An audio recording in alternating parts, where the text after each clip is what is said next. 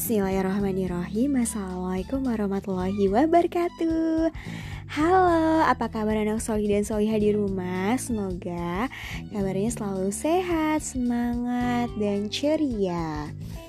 Nah, anak solih dan solihah kali ini kita mau sama-sama menghafalkan hadis kasih sayang Hadis itu apa sih? Hadis itu pesan Rasulullah, baik perkataan ataupun perbuatan Rasulullah.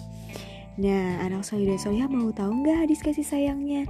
Tapi sebelum kita menghafal hadis kasih sayang, sebelumnya Ustazah mau tanya dulu. Siapa yang mau disayang? Jawabannya semua pasti mau disayangkan dan semua pasti suka disayang Gak suka kalau dimarahin atau dibentak-bentak Betul nggak tuh? Tapi anak soli dan soli harus ingat Kalau mau disayang kita juga harus saling menyayangi. Tidak boleh suka marah-marah, tidak boleh berkelahi, tidak boleh membuat teman tidak merasa nyaman, tidak boleh berebut mainan, harus mainan bersama, dan harus mau mendengarkan apa kata ayah dan bunda atau apa kata ustazah.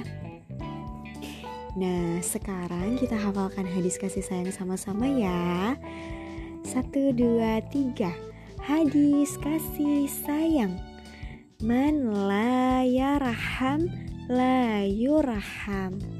Artinya tidak disayangi orang yang tidak menyayangi. Kita ulang sekali lagi. Hadis kasih sayang.